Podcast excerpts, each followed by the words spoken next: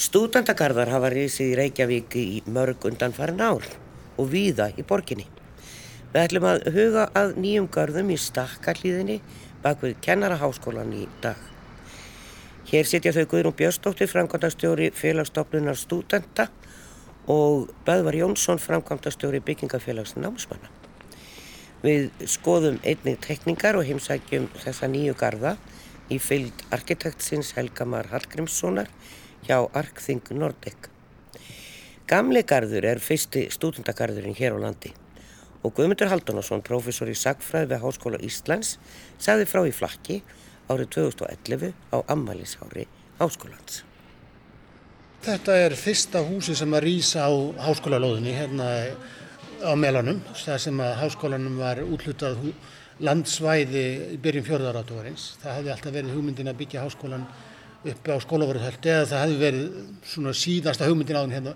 Áskólinn fluttist eiginlega til svona í hugum manna þegar það var í huga ánum. Fyrst var áallega byggjan við Östurvall. Tómas Aminsson eh, hafði, hafði hug á því þegar hann skrifar eh, bref sem hann byrtist í fjölni eftir ferð til Íslands árið 1834.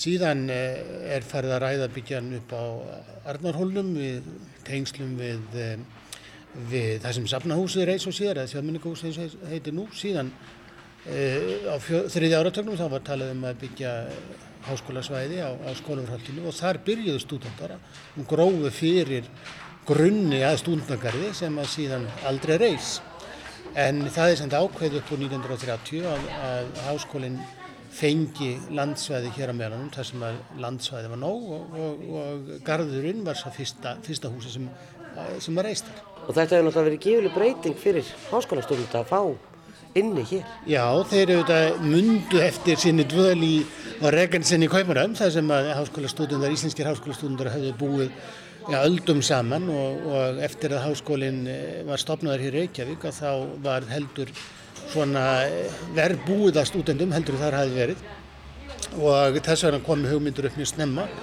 um það eh, fljóðlega, sérstaklega eftir 1918 eftir að, að Ísland verið fullandaríki og stúdundar missa garstyrkin í Gaupana og þá kvikna þessar hugmyndi fyrir alvöru að, að það sé rétt að byggja þá garð á Íslandi fyrir stúdundar það væri, það væri svona óeðlilegt og að þeir sem hefðu nú staðið framilega í barátunum væri þeir einu sem hefðu liðið fyrir það að Íslandingur eru fullvalda þjóð. Þannig að, eh, að þessi hugmynd kviknar og þá er farið að safna fjö og það er síðan þá e, já, á fjórða áratöknum sem, sem að garðurinn opnaði. Þetta hefur verið nýtt sem hótel á sömurinn og enn er eitthvað framan á hér húsinu sem að segir þetta heiti hótel en þetta eru stúndagarðar á veturna. En það hefur ímislegt verið bralla í þessu húsi. Já, já sko stúndagarðurinn var í fyrsta lagi alveg gríðaleg bót fyrir, fyrir nefnundur að, að þeir, þeir byggum mjög gjarnan og þetta er á krepp árunum sem að húsið er byggt og, og þá var aðbúnaði stúdenda mjög slæmur og, og þeir byggu í alls konar húsnaði út um allan bæ. Þetta voru auðvitað mjög margir hverjir, margir stúdendar og stór hluti nefnda voru utan á landi þannig að þeir þurfti að búa utan síns, sína foreldrahúsa. Þannig að, að þetta verið mikið liftistöng en þetta er líka gríðarlega liftistöng fyrir félagslífstúdenta því að, að því að fram að þessu hafði háskólinn raunverulega ekki átt í neitt hús að venda. Hann var sem sagt í, á eh, neðri hæðinni í Alþingishúsinu og hafði verið rekkinn þar frá stopnun 1911 og þá til að flutti í, í háskólabygginguna árið 1940 og þar hafði stúndar ekkert afdrepp. Þegar eina afdreppi sem er hafðið þar var, var eins og að talað um kallt andirið eða forstofans það sem að þeir byggð á milli, milli kænslistunda. Þannig að e, þeir hafðu átt reynda mötunætti í svona kalla mensa akademika nýri í bæ, nýri hérna lækigótu. En henni verið lokan 1929 þannig að frá þeim tíma hafðu stúdendar í raun og ekki neitt samkomiðhúsnaði. Þannig að Gardur var ekki bara svona samanstæði fyrir stúdenda heldur líka félagsheimili þar sem að hér var aðstæði fyrir þá til þess að stunda já, svolítið líkamsment og, og síðan dansiböll sem voru auðvitað fræg um garðsböllin sem voru ja, fræga endum getum kannski sagt. Já, það er nefnilega ágættu salur hérna þó ekki séðan ekki stóra með að við í dag og með að við fjölda nefnda í háskólanum í dag er, er þetta bara lítil kænslustofa á með að við það og margar kænslustofur sjálfsagt stærri en þessi salur en var mötuneyti hérna þá fyrir stúdenda á sínum tíma eða hvernig var það? Það var reikið mötuneyti, ég verð nú að viðkenni bara mann og ekki hvort það var reikið mötuneyti hér í húsinu en, en eh, það var síðan reikið í háskólanum og þar var reikið mötuneyti stúdenda í langan tíma og, og þetta var aldrei fyrir nefnundur og, og eins og segi líka þá ákveði félagsefni og þetta voru nú ekki mjög margi nefndur sem byggu hérna, þetta voru ekki náðu ekki 40 herbygg, 37 herbyggi ef maður rétt og það var nú verið fleiri neitt stúdenti sömum en, en yfirleitt bara einn í hverju herbyggi og síðan garðprófasturinn sem, sem að eh, var þá svona húsvörður og já stundum næstu því eins konar, já þeir eru eins konar foreldrar þá eh, nefndurna sem byggu hérna. Það er, var, var mísmunandi hverju hverju garðprófs það voru og hvað, hversu alvarlega þau tóku sitt hlutverk en, en það eru sögur að því að, að, að þeir hefðu hefðu verið svona, aðstof, svona haldið utanum lífstúdendinni hérna sem eins og segi byggu þá fjari foreldrahúsum og, og voru kannski fyrsta skipti að koma farað heim. Þannig að það hefur verið þá húsvarðar íbúð hér í, í húsum? Já, það var svo kallu garðprófastu sem að átti að sjá um, um húsið og líka sjá um svona síðgæðist gæslu, getum kannski sagt á, og ekki veitinu víst af, það er marga sögur til um, um þau mál hér, hér á hér á gardi. Ég er nú nógu gömul til að hafa upplifað þá að komi hér á garðsball, ég held ég einn tvö skipti en það er fyrir margt löngu samt. Veistu hvernig eh, hægt var að halda garðsball hér? Því að ég hef líka fréttaðið um nýra á Hotel Borg. Við héttum þá áfram garðsball Já. en voru komið nýra á Hotel Borg. Já, nú eiginlega þarf sakfræðingurinn að fara úr hlutarki sakfræðingsins að því að ég sóti líka garðsball þannig að það er svona mjög skoðst eftir að ég byrja í Háskóla Íslands eða miskust í mentaskóla þá minnist ég þess að hafa, hafa komið hér en, en nei ég er ekki vissum það og, og þetta nú, ég get nú afsaka mig því eins og sakvarenga gerstundum, þetta lendir fyrir þetta mitt tímabil í Háskólasögunni þannig að, að það er ekki fyrir en það, er, það, það eru garspöl hér fram á 8. áratíðin eh, og eh, þá er sem sagt komin félagstöfnum stúdenda þannig að, að það er orðið svona, orðið svolítið annað Annað andrumsloft, það voru haldið líka rannsóknaræfingar sem að, svo kallaðar sem að, sem að voru haldnar í mínu ungdami að miskusti í, í eh, félagstofnum stúdenda og þá svo færðist leikurinn hingað yfir í, yfir í uh, gamlagar þannig að, að uh, þau, það var bísna kátt að hjalla lengi hér. Ja, og rannsóknar, hvað sér, hvað kallar þetta? Rannsóknaræfingar. Voru, Hva, hvað, það, hvað var verið að rannsaka?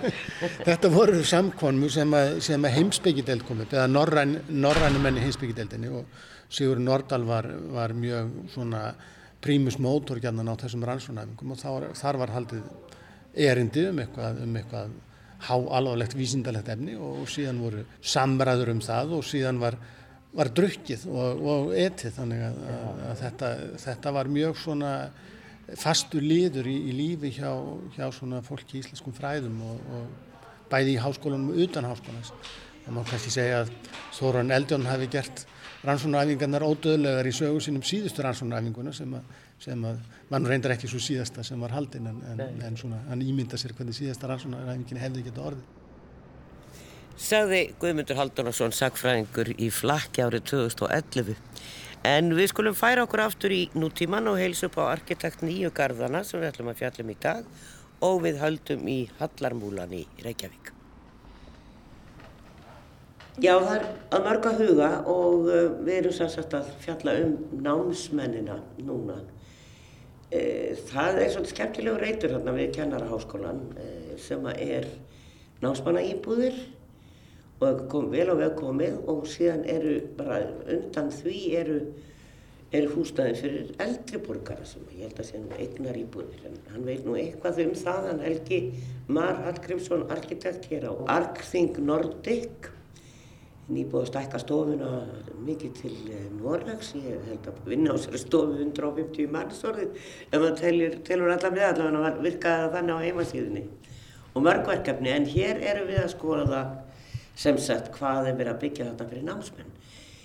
E, þetta var smá vesen mann ég e, að það var meiningin að byggja námsmanna íbúðir líka hinum einn við varsálana og uh, það, það var slegið út frá borginni en þarna hefur fundist lóð þar sem að væri hægt að byggja fyrir námsmenn og uh, það var bara greinlega doldið plásana þó maður svona ímyndið þetta er eiginlega bak við Ísaksskóla og uh, í bólstaðliðinni og stakkarliðinni, er það ekki ekki tjámið þetta lóð? Jú, það má segja að, að þessi reytur kannski lindi svolítið á sér. Þetta, þetta svona, þegar maður bara var að fara hann í kring þá áttaði maður sig- áttaði maður sig kannski alveg á því að það væri svona mikið pláss þarna á milli í raun og veru íbúðaböðurnar við Bólstaðarlíð og svo kennarháskólans. Já, þannig að og það voru þess að A2F arkitektar sem að gerðu svo þetta deiliskypulag og við fengum svo það verkefni að, að teikna þessar námsmanna íbúðir fyrir byggingafélag námsmanna.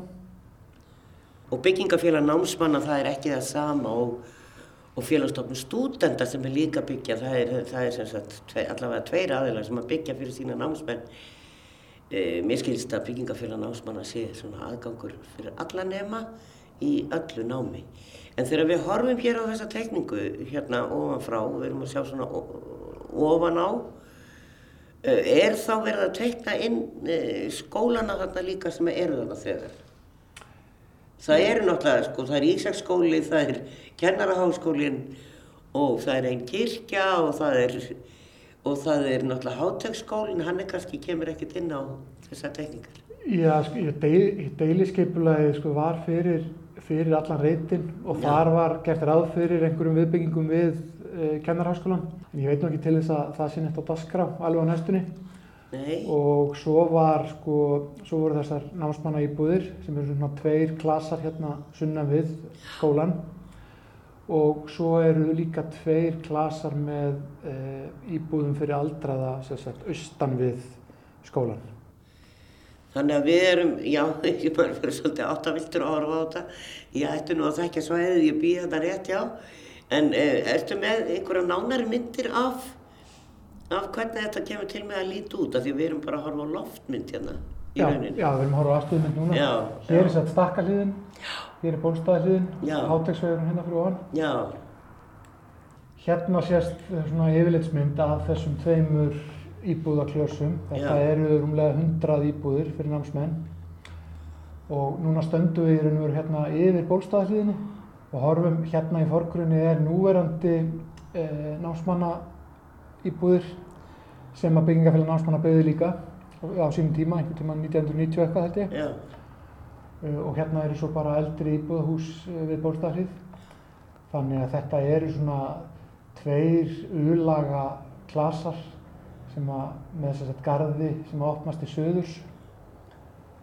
Uh, já, það er, þetta er mjög grænt og fallegt og, og eins og þetta er byggt. En þetta er ekki áfast, þannig að það er hægt að ganga þarna alls þar á milli já, og það eru hallandi þök og kvistar á húsunum, þryggja hæða hús með fjórðu hæðina, það er undir í sig, undir súð, nákvæmlega.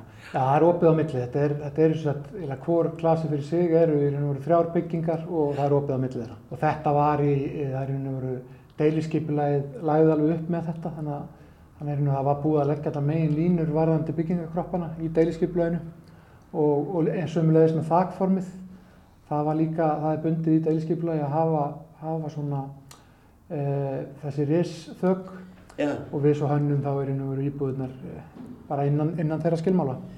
Það er náttúrulega mjög mísjafna byggingar hérna í kring, eh, sagt húsin sem eru þarna, skólanir og annað og, og íbúðarhúsin. Þannig að það er svo sem ekkert verið að byggja um þessi hallandi þök út af byggingarstíl annara bygginga, þannig að það kallist á við það.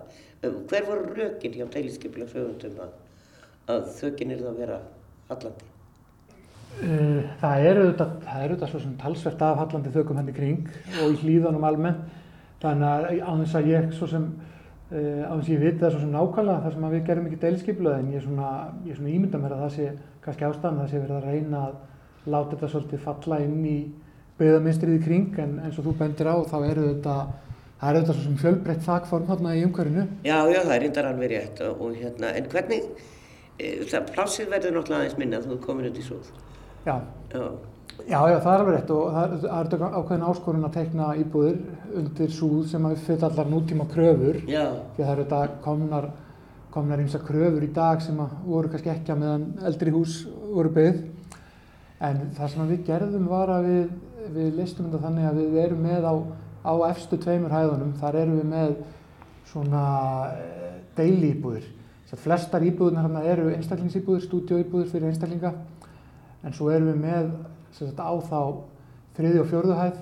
Þar eru íbúðir þar sem að, sagt á neðri hæðinni, svo sér hérna á grunnmyndinni. Neðri hæðinni þar er eldhús og stofa uh, og svo er bara stíi innan íbúðar upp í risið og upp í risinu eru svo uh, þrjár, Eða þrjú þrjú, sagt enga herbyggi.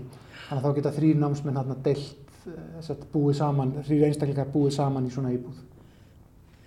Þannig að þetta verður nú svolítið skemmtilegt samt. Það er alltaf doldið kósi að vera með kvist og, og, og vindur súð. Algjörlega. Það. Þetta, þetta gefur auðvitað þessari byggð þarna karakter þannig að, hérna, þannig að ég, held að ég held að þetta sé, sé bara skemmtilegt. E, get ég mynda mér að það verði sóst hart eftir því að fá húsnaði þarna. E, Legumarkaðurinn er ansi erfiður fyrir námsmenn en það kostar svo sem líka að búa í þessum íbúðum þið eru náttúrulega ekki að setja ykkur inn í það. En er þetta, hvað, hvað myndur þú segja um svona ef þú verður að byggja fyrir bara einhvern sem ætlaði að fara að selja þetta? Er þetta, er þetta ódýrari byggingar eða er sparað meira í, í svona? Það þannig að setja baðherbyggi og, og allt þetta dýra. Það, já, það er auðvitað alltaf ákveðin bara svona grunnkostnaður Já. sem að felst í burðavirkinu og, og hérna eins og segir baðherbyggjunum og eldursunum og slíku. En já, já, í, í þessu verkefni, er, í svona verkefni er meiri fókus á að spara heldur en í svona almennum íbúðverkefnum. Þannig að einmitt bara til þess að, að verðið geti verið lægra til að námsmenninni ráði við þetta. Þá, Já, þá hef, var lögð mikil áherslu á það í hönnuninni að, að reyna að gera, vera með hagkvæma lausnir. Það eru bílastæði ég þarna á þessum tekningum. Eh, Ég get ímynda mér að það sé ekki verið að grafa fyrir bílakjallara þarna. Nei, það er ekki bílakjallari. Og það eru, já, það eru sem sagt stæði, hérna, gert ráð fyrir stæðum hérna út við stakkalíð og svo eru stæði við núverandi, e, sem sagt, núverandi byggingu, byggingafélags námsmanna við bólstæðalíð. Þannig að þau stæði verða samnýtt og svo er gert ráð fyrir gödustæðum hér. En hérna er klálega verið að gera ráð fyrir miklu færri stæðum með að við hefbundin íbúðaverkefni. En Já. enda líka getur maður nú leitt líkur að því að það verði mun færri íbúðar hérna á bílum sko. af því að þetta er náttúrulega, þetta er náttúrulega það miðsvæðis og, og, og þarna ættu mjög margir námsmenn vantilega geta búið á þess að þurfa bíl sko. Þið, hann er líka þó að þú sést ekki arkitekt af því. E, íbúðir þarna fyrir eldri borgara sem eru bara verið að auka við. Það eru nokkra blokkir þarna niður bólstæðliðina sem að eldri borgarar eh, eiga íbúðir og, og, hérna, og síðan var verið að bæta við það innar á lóðina, sem stíf vestur átt. Og, og svona unnuðu það eitthvað saman, það er annar arkitekt sem er með það hér á stofunni. En, e, þetta er náttúrulega sama eh, hverfið, eða hvað maður að segja, Já, sami reytur. Já, þetta, þetta endar hönnun á þessu var, var nú svona mestu í gangi á, á mismundi, eh, á mismundi tíma þó það var, var skaraðist eitthvað. Neð, Þetta er auðvitað annar, allt annar kunni, þarna eru samtök aldrara. Þannig að það var einhver annað teimi hérna á stofunni sem að var að, var að vinna í, í því verkefni en auðvitað horfa menn yfir, yfir öxlina hver á öðrum og bera saman bækur sínar eins og gengur sko. Já, nákvæmlega. Þetta hafa verið svolítið dýrar íbúðir þarna, veit ég, í framblokkunum, í, í þessi fyrir eldri borgara. Er þetta luxusíbúður sem eru að byggja þarna fyrir fullara fólk? Þetta eru, þetta eru þetta frekar svona rúmgóðar og vandaðar íbúðir og, og fylgja stæði í bílakjallara og annað slíkt sko. Þannig að þetta er, þetta er svona allt annað konsept heldur en, heldur en við erum að gera í, í námsmanna íbúðunum. Þannig að þar hérna í, í sagt, íbúðunum fyrir, fyrir aldraða þar er, ekki, þar er ekki verið að reyna að, að spara eins mikið og hægt er, heldur er bara fókusin frekar á að gera góðar íbúðir sko. En við ætlum að líta þess neyri, þetta er vel og vel komið og verður gaman að sjá hvernig þetta lítur út akkurat núna. Já, og þá ætlum við lóksins að heilsa upp á gæstu þáttarins. Þau Guðrúni Björnsdóttur og Böðvar Jónsson sem stýra hvori sínu byggingafélagi stúdenta. Félagstofnum stúdenta og byggingafélagi námsmanna. Velkomin bætu. Takk. Sko, það, það er náttúrulega bara gerst alveg ótrúlega mikið á þó ekki lengri tíma en frá því að gamli garðin 1930. 34. Já, það er ekki orðin 100 ár sko og hvað eru konar marga námsmanna íbúðir síðan, það er alveg ótrúlegu fjöldi en, en virðist aldrei vera nóg. Sko, það er mjög mikið byggt hjá ykkur í kringum háskólans, eh, háskóla Íslands. Já, rétt. Hva, eh, hva, hvernig, hver er munurinn? Er þetta rosalegu munur á byggingafélög?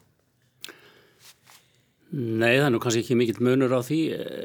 Félagsdónur stúdent er auðvitað bara gammal gróið félag sem er, var stopnað auðvitað fyrir nefnendur Háskóla Íslands. Já.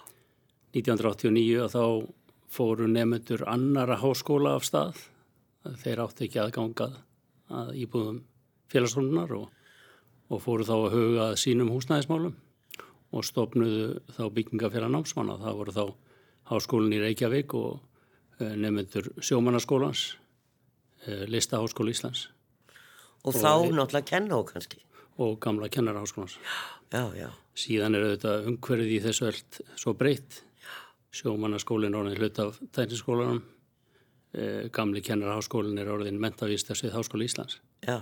Svo þetta er nú allt orðið svona sa, samkurl í þessu. Já, já.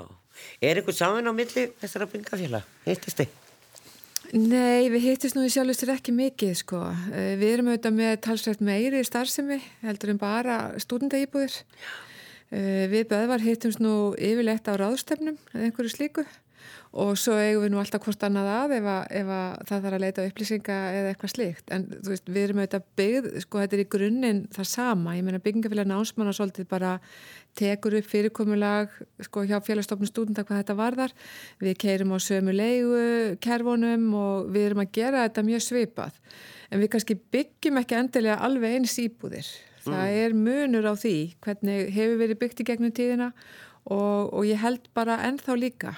Við erum kannski með mjög mikla áherslu á félagslega þáttinn og erum að byggja húsin okkar upp þannig með, sagt, á meðan ég held kannski að byggingafélag námsmanna er kannski svona bara meira hefbundið eða ekki rétt beðvar því að við ekki verið kannski mikið í svona þessum sameilegu rýmum.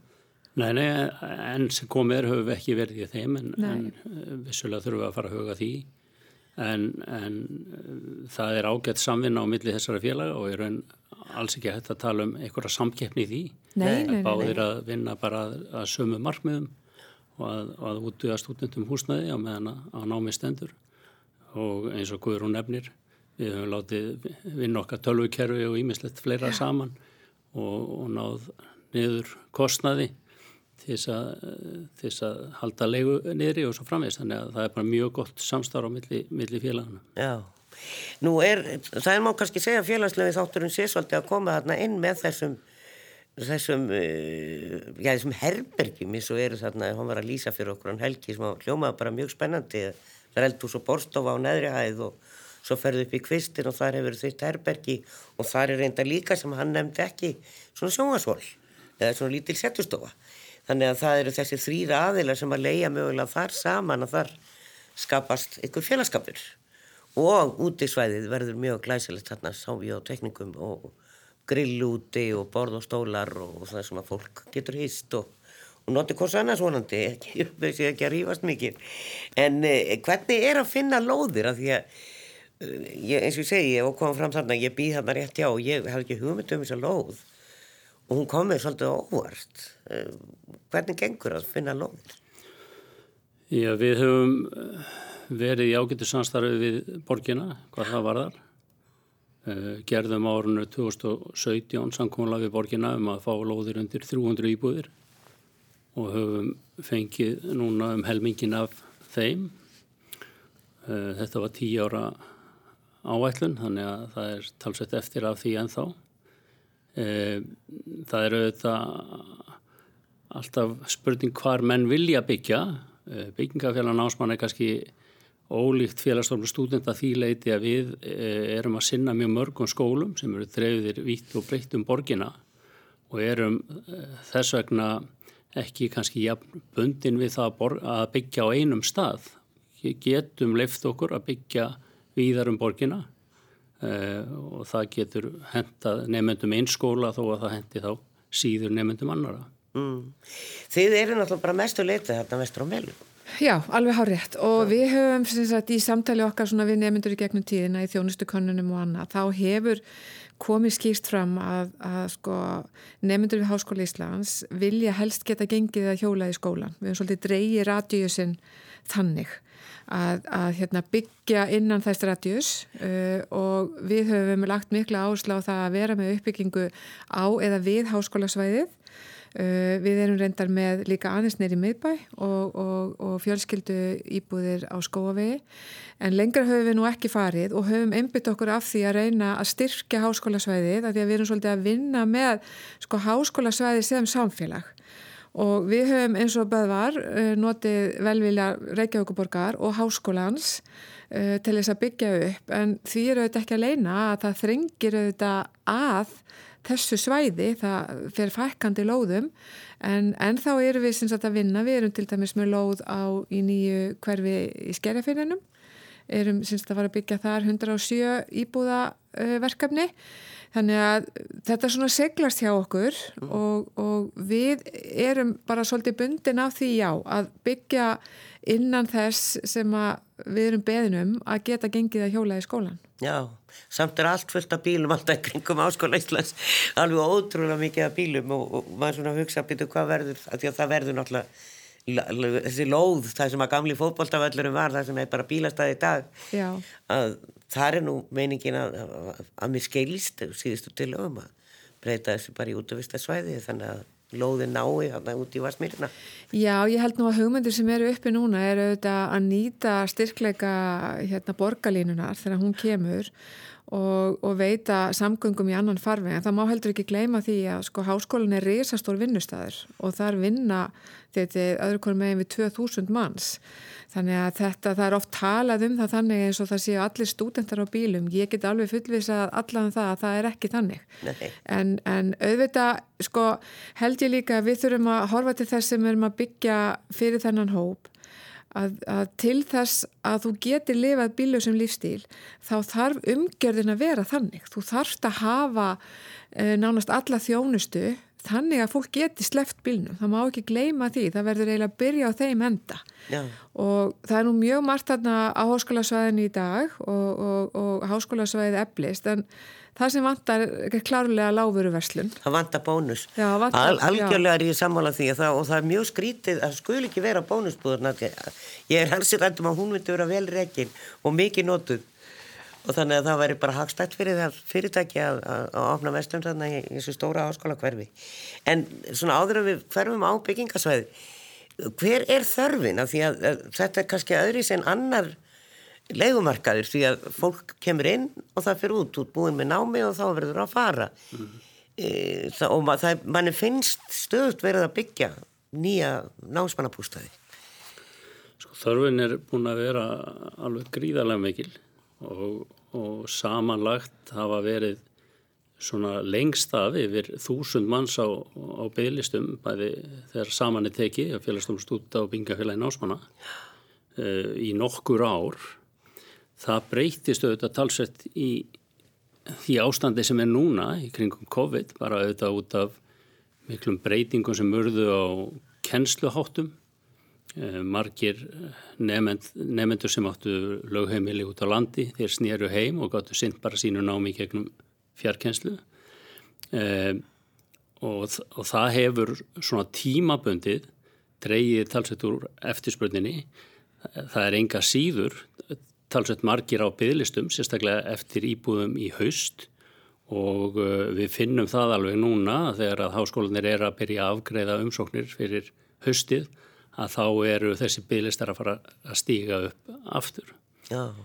Uh, það hefur nú svona uh, oft verið talað um að, að reyna að sinna svona um það byrj 15% af nefnda fjöldanum að það sé hérna, þörfinn það þýðir þá að við þurfum að, ennþá að byggja talsveit mikið af, af nefnda íbúðum í, í, á höfuborgarsvæðinu til þess að mæta því. Já.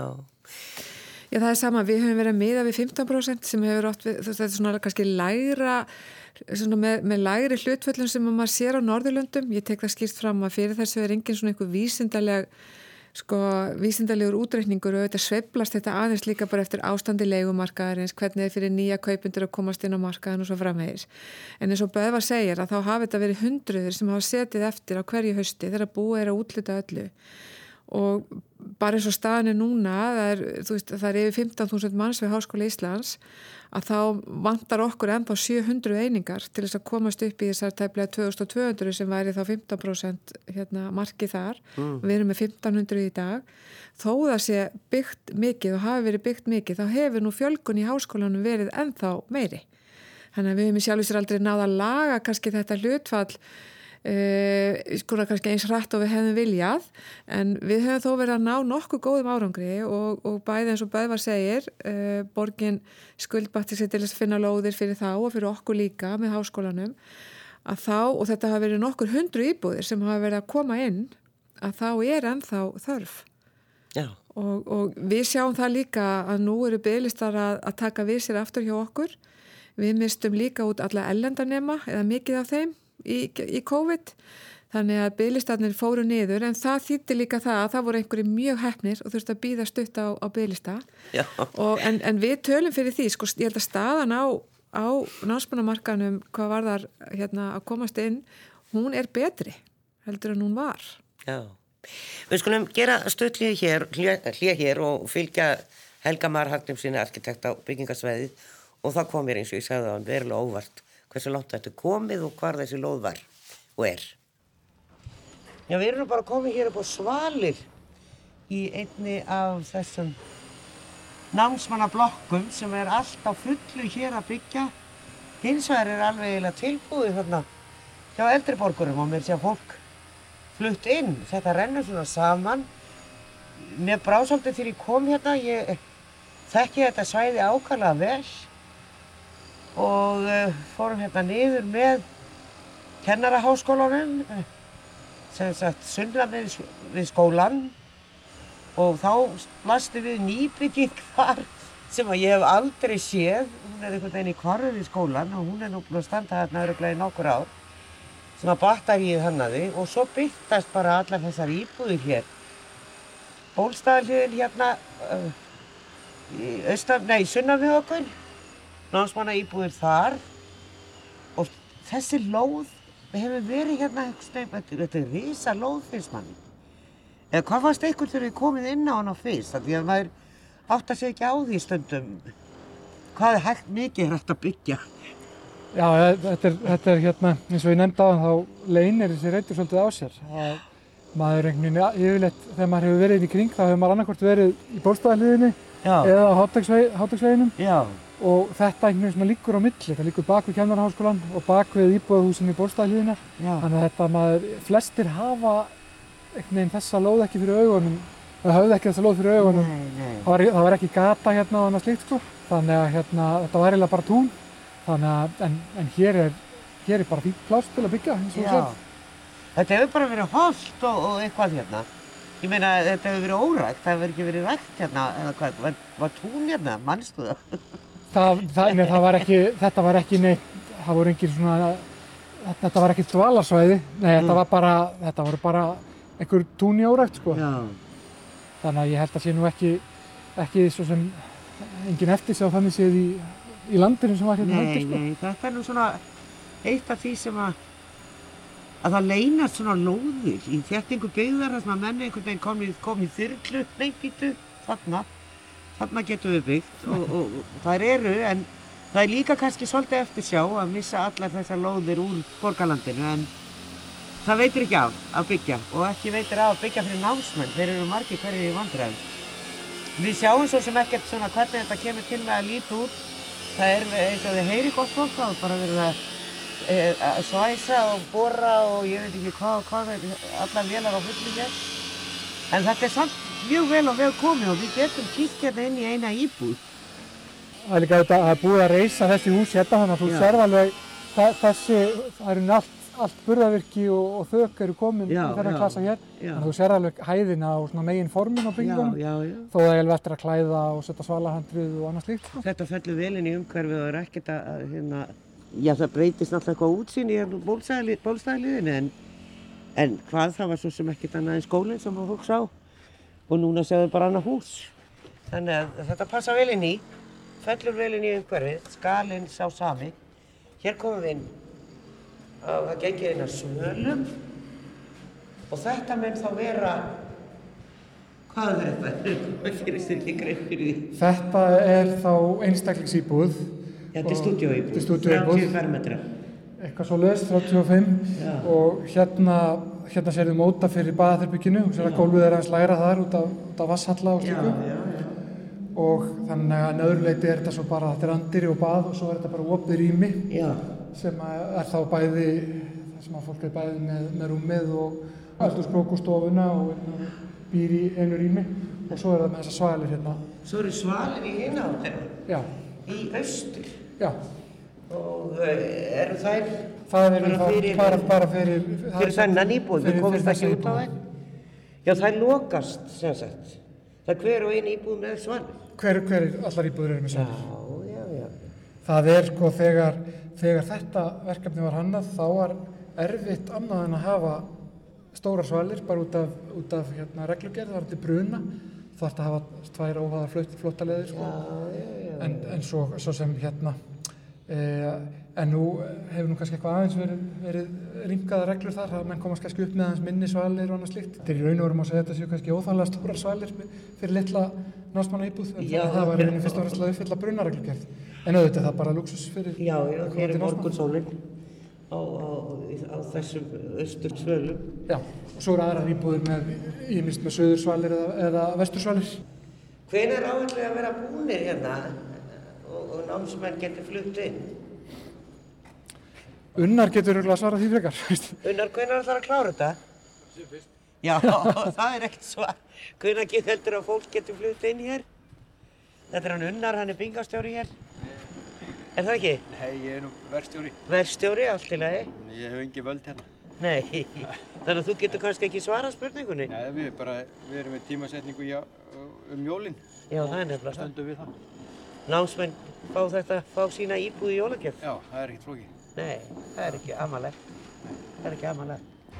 Og þá er búið að ganga frá allir í lóð og allt. Já.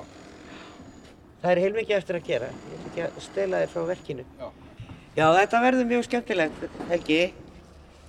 Það er, eh, Já, það verður gaman að sjá útkomuna. já, þurfa garðarnir vera því það er svo mikið grænt svæði í kring.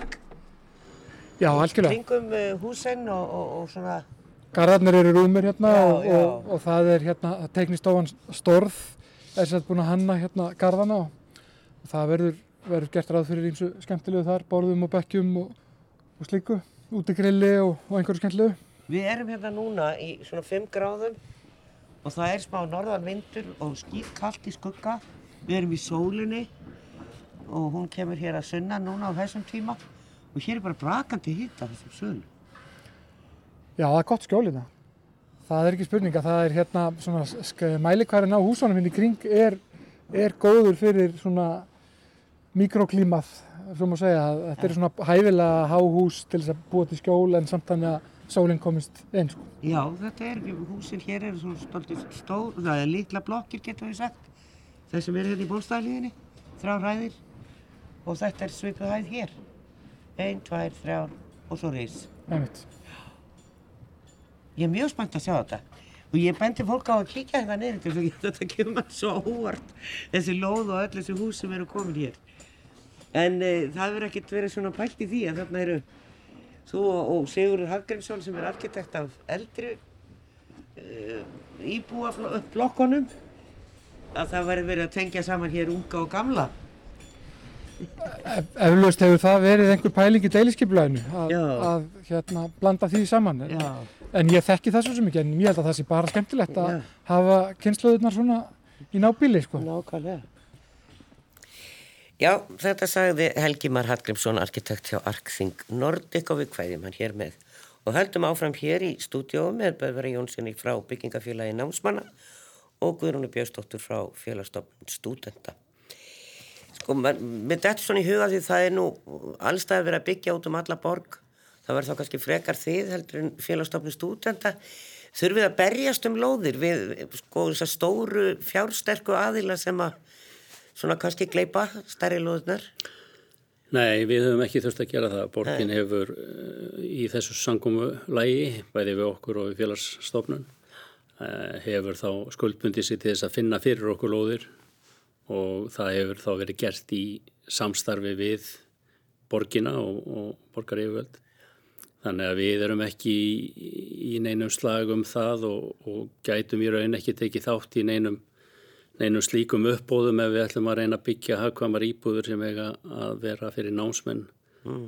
sem að þeir geta leikt á svona hóflögum kjörum. Já, eh, hann sagði okkur frá því hann Helgi að það er, sko, væri munur á að byggja þessar fínu íbúður fyrir eldri borgara sem eru bara svona vel góðar íbúðir, miklu stærri náttúrulega en það er reynd að spara og það eru náttúrulega engu bílakjallarar og, og það er ímislegt sparað. Eh, hversu náið fylgist þið með því? Og svona uh, Hvernig er þetta byggja hagkvæmt? Já. Uh, Það eru auðvitað bara margar leiði til þess en sko það er þannig að árið 2016 voru sett bara lög um uh, almenna leiguýbúðir og síðan er fjármagn hjá húsnæðis og mannverkjastofnun sem eru ætlað fyrir Eh, hafkant húsnæði eh, og félagslegt húsnæði. Og í þessum lögum og svo reglugerinn sem fylgir þá er bara bynlinni sagt hvað hver fermetur má kosta. Veist, það, það er verðþak á, á þessari tegund húsnæðis og það er rauninni bara þannig að aðfinna góða vegna þess að þannig er nú verið að reyna að tryggja inn komi húsnæði sem að sé hafkvæmt Þannig að sko verkefnið í hvert sinn þegar þarf að setjast niður og, og það, er, það er komin lóð og, og við ætlum að hanna garð þá eru þetta mjög mörg atriði sem þurfa að smetla til þess að sé hægt að byggja á þessum verðum sem að, sem að lögin hveða á um. Já. og út bara eitt af því sem skiptir til dæmis verulega miklu máli er hversu stóri eða lítill garðurinn er. Það er til dæmis bara illgerlegt að ná þessum verðum ef að þetta eru sko frekar fáar íbúðir. Þetta verða að vera massa verkefni til þess að dreifa bara þú veist ákveðnu kostnaði þak og, og grunnur og svo framvegis og síðan er þetta byggist upp þekking í, hjá okkur sem að erum að byggja þessar íbúðir þannig að við kunnum nú ímislegt fyrir okkur og það er kannski rétt eins og hann, hann sæður reyndar kannski í viðtalinu að væri reyndar að spara eins og hægt er. Ég, ég vil kannski fá að, að svona kannski leiðrætta það og segja sko það að byggja hagkvæmt það þýðir ekki endilega að þú kaupir það allra ódýrasta. Nei. Þetta þarf að vera samspil á milli stoppkostnaðar og hvernig efnið endist. Og svo er þetta bara með allan frágang, ég meina baðherbyggi, það þarf að, við þurfum að vera mjög útsjónasöm með kostnað við það og eldús, gólvefnu og annars líkt og þetta er nú aðalega starðarhagkamni þekkingin uh, og það sem að skipti mestu máli. Og síðan auðvitað erum við á ferðinni og við höfum skoðað mjög mikið eins og á Norðurlöndunum. Þannig að við erum líka að leita bara í smiðju annara og þeirra sem er að byggja stórt og mikið. Þó svo að við séum auðvitað alltaf bundin af íslenskri byggingareglugerð og hún er ekki kannski alveg eins og reglugerðir annar staðar. Nei, ég ætlaði einmitt að koma að reglugerðinni því að ég man ég kom og skoði stúdendagarða í Sæmyndagötunni ekki þá allra nýjustu heldur sem komið þar á undan. Já. og þar var aðgengi fyrir alla. Og, og ég svona var að undra mig á því ekki þar fyrir ég beð virðingu fyrir því og auðvitað á að vera sem mest aðgengi fyrir alla. En það er spurningu um þörfina á því. Og mér skildist að þetta væri til dæmis að auka kostnaði mjög mikið þar ósalega breyðar dyr þá þú ert að komast að hjólastól um pínleitla íbúð Já, já, það er, það er alveg rétt. Það er svona það minnstu kosti dregur ekki úr kostnæðinum en, en vissulega hefum við bara fullan skilning á, á þeirri kröfu, hvað síður. Og þó að við kannski erum, séum ekki með, með fallað einstaklinga í öllum íbúðum þá auðvitað, það líka að hugsa til þess að þeir geti komið í heimsól þannig, að, þannig að það þarf að, að hugsa fyrir því en, en þetta er alveg hárétt sem Guðrún segir. Það er, er erfitt að, að sko ná þessu samspili. Það sem við getum gert er að reyna að fækka fermetrum, við getum reynda að minka geimslur við hugsun til þess að kaupa hagkvæm eh, hagkvæmar innréttingar og hagkvæm tæki sem að þó þurfa að, að hérna, þóla nýtinguna og, og, og endast til lengri tíma. Þar getur við sparað en á móti kemur við erum með þá litla reyningar en þurfum alltaf að byggja í hverja einingu bað og eldu sem eru dýrustu herbyggin í, í húsinu og þess vegna verður þetta vera talsveit magna výbúðum sem er byggt til þess að ná að rúmast inn að þessari reglugjara sem okkur eru, eru sett. Já, þú sagði geimslur bara hagkvæmar íbúðir sem alltaf eins og bjarg er að byggja legufélag og, og margir aðri, er, þeir eru bara hættir vera með geimslur, það eru bara stóri skápar inn í íbúðin. Já, það eru bara stóri skápar eða jafnvel bara grindur, Já. þú veist þar sem þú ert bara með eitthvað ákveði pláss í, í líka við svona eins og við grind, grind, grindar píramíta einhvers staðar niðri og, og það eru auðvitað búið að breyta ímsu í byggingareglugjær varðandi svona hluti. Það er búið að slaka töluvert á í þessu en í hákami húsnaði eins og við erum að byggja þá er til dæmis eins lítil samegn og hægt er það er eitt af stóru þáttunum því að samegni er, er sko, hún má bara vera mjög lítið hluti af húsinu og þar skilur á milli sko stúdendaýbúða og, og íbúða á almennu markaði. Já, já. Nú leiðja náttúrulega margir eins og ég segi það þarf fyrir allar þessar íbúður og fleiri til já. en það eru margir námsmenn sem að leiðja á einu almenna markaði og, og þá gætan er tekin kannski fjara fimm herbyggi íbúð og deilt því þá nærðu kostanur niður. Eh, þannig að eru stúdar tilbúinir í meiri deilbúskap eins og þið eru nú að leggja til þarna í sumum uh, á efstu hæðunum í gardi, gamla gardi þar sem er verið að byggja við, það hafi verið herbergi og svona deilibúskapur Já, við erum bara náttúrulega búin að gera þetta lengi. Þetta, veist, við erum komið með þetta 11-12 ár síðan að við byrjuðum á þessu og við erum þá að vinna með kannski sko sellu upp á 8 til, til 11 manns sem að deila sameilega og svo höfum við komið inn með nýtt sem að eru við kallum það vinarýbúðir þar sem tíu búa saman. Þannig við erum svo sem búin að vera að gera þetta lengi og, og þreif okkur áfram með þetta um, sko Ég held að það sé svona kannski ákveðin skilda sem kvílir á okkur sem erum að byggja stúdendaýbúðir að vera líka svolítið framsýn veist, í því hvernig svona húsnaði er byggt. Ég veit vel að þú spyrð hóp stúdenta þá vilja kannski flestir og segja ég vil búa einn eða einn. En þegar upp í staðið að þá er það dýrara og það er líka ekki einn skemmtilegt. Já. Þannig að við þurfum líka kannski að, að vera svolítið sko, þau sem að riðjum brautina í þessu og komum inn með ný búsetúræði í bóði fyrir stúdenda, það eru auðvitað val en eitt af því sem að hefur hjálpað okkur að halda leiguverði niðri er að fara í þessa lausnir, fyrir það fyrsta kemur við fleirum fyrir, hérna eins og inn á háskólasvæðinni í okkur og þú átt möguleika á að halda leiguverðinu niðri. Já, og þú hefur þetta herbergi til að sitta og læra Já, í langflestum tilvikum sér baðherbergi líka. Já Þetta hefur svo sem alltaf verið, já já, partur af, af stúdagörðunum. Byggingafélag násmanna var með hús á skipolti 27 sem heit uh, Höfði, eða kallaðist Hotel Höfði. Það sem voru legð út herbyggi og var uh, rekið uh, frá 1991 eða eitthvað svo leiðis uh, sem stúdagarður. Já. Mér taldist nú til að skjóta þetta en daginn, ætli ætli félagsdónur sé ekki með um 400 herbyggi að verða núna þegar að gamli gardur er, er komin eða búið að byggja þar við. Eh, Háskólinn í Reykjavík eh, hefur byggt auðvitað í Nautalsvíkinni og uh, sem að byggingafélag námsmannar rekur. Þar eru í, í fyrstu tveimur húsunum, bæði húsinu sem, sem var tekið í nótkunni fyrra og því sem verður tekið í nótkunni í ár 72 herbyggi og svo bætast á við þessi herbyggi sem að byggingafélag násmann er núna byggjað þannig að mm. þetta verði ekki orðið 500 einingar í svona herbyggjum þannig að það er, það er talsett mikið búið að byggja af þessum einingum og, og þær eru mjög góðar til síns brúks en við þurfum líka að passa upp á það það sé, það sé líka byggt fyrir, fyrir fjölskyldufólk því að námsmenn er ekki allir bara einir. Og Nei, og þau hitt einhvern í skólanum og upp kemur ást og þá getur þú þá flytt á milli úr herbergjónum inn í Já, já, þú getur, þú getur flytt, þú getur byrjað já. einn og, og farið svo bara upp stegan, já. en sko það er nú, hún er kannski orðið nokkur ára en samt ekki mjög gömul, þá voru þetta sko yfir 40% stúdenda við háskólan er, er fjölskyldur, einn eða tveir með bad og það er óvanalega hátt hlutfall.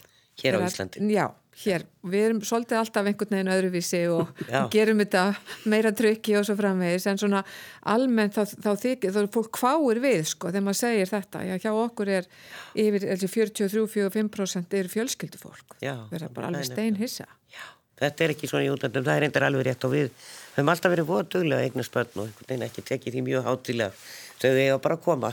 En við komumst ekki lengra. Að sinni Guðrún Björnsdóttir Frankværtagstjóri félagstofnuna stúdenta og Böðvar Jónsson Frankværtagstjóri byggingafélags námsmanna. Þakku kella fyrir. Takk, Takk.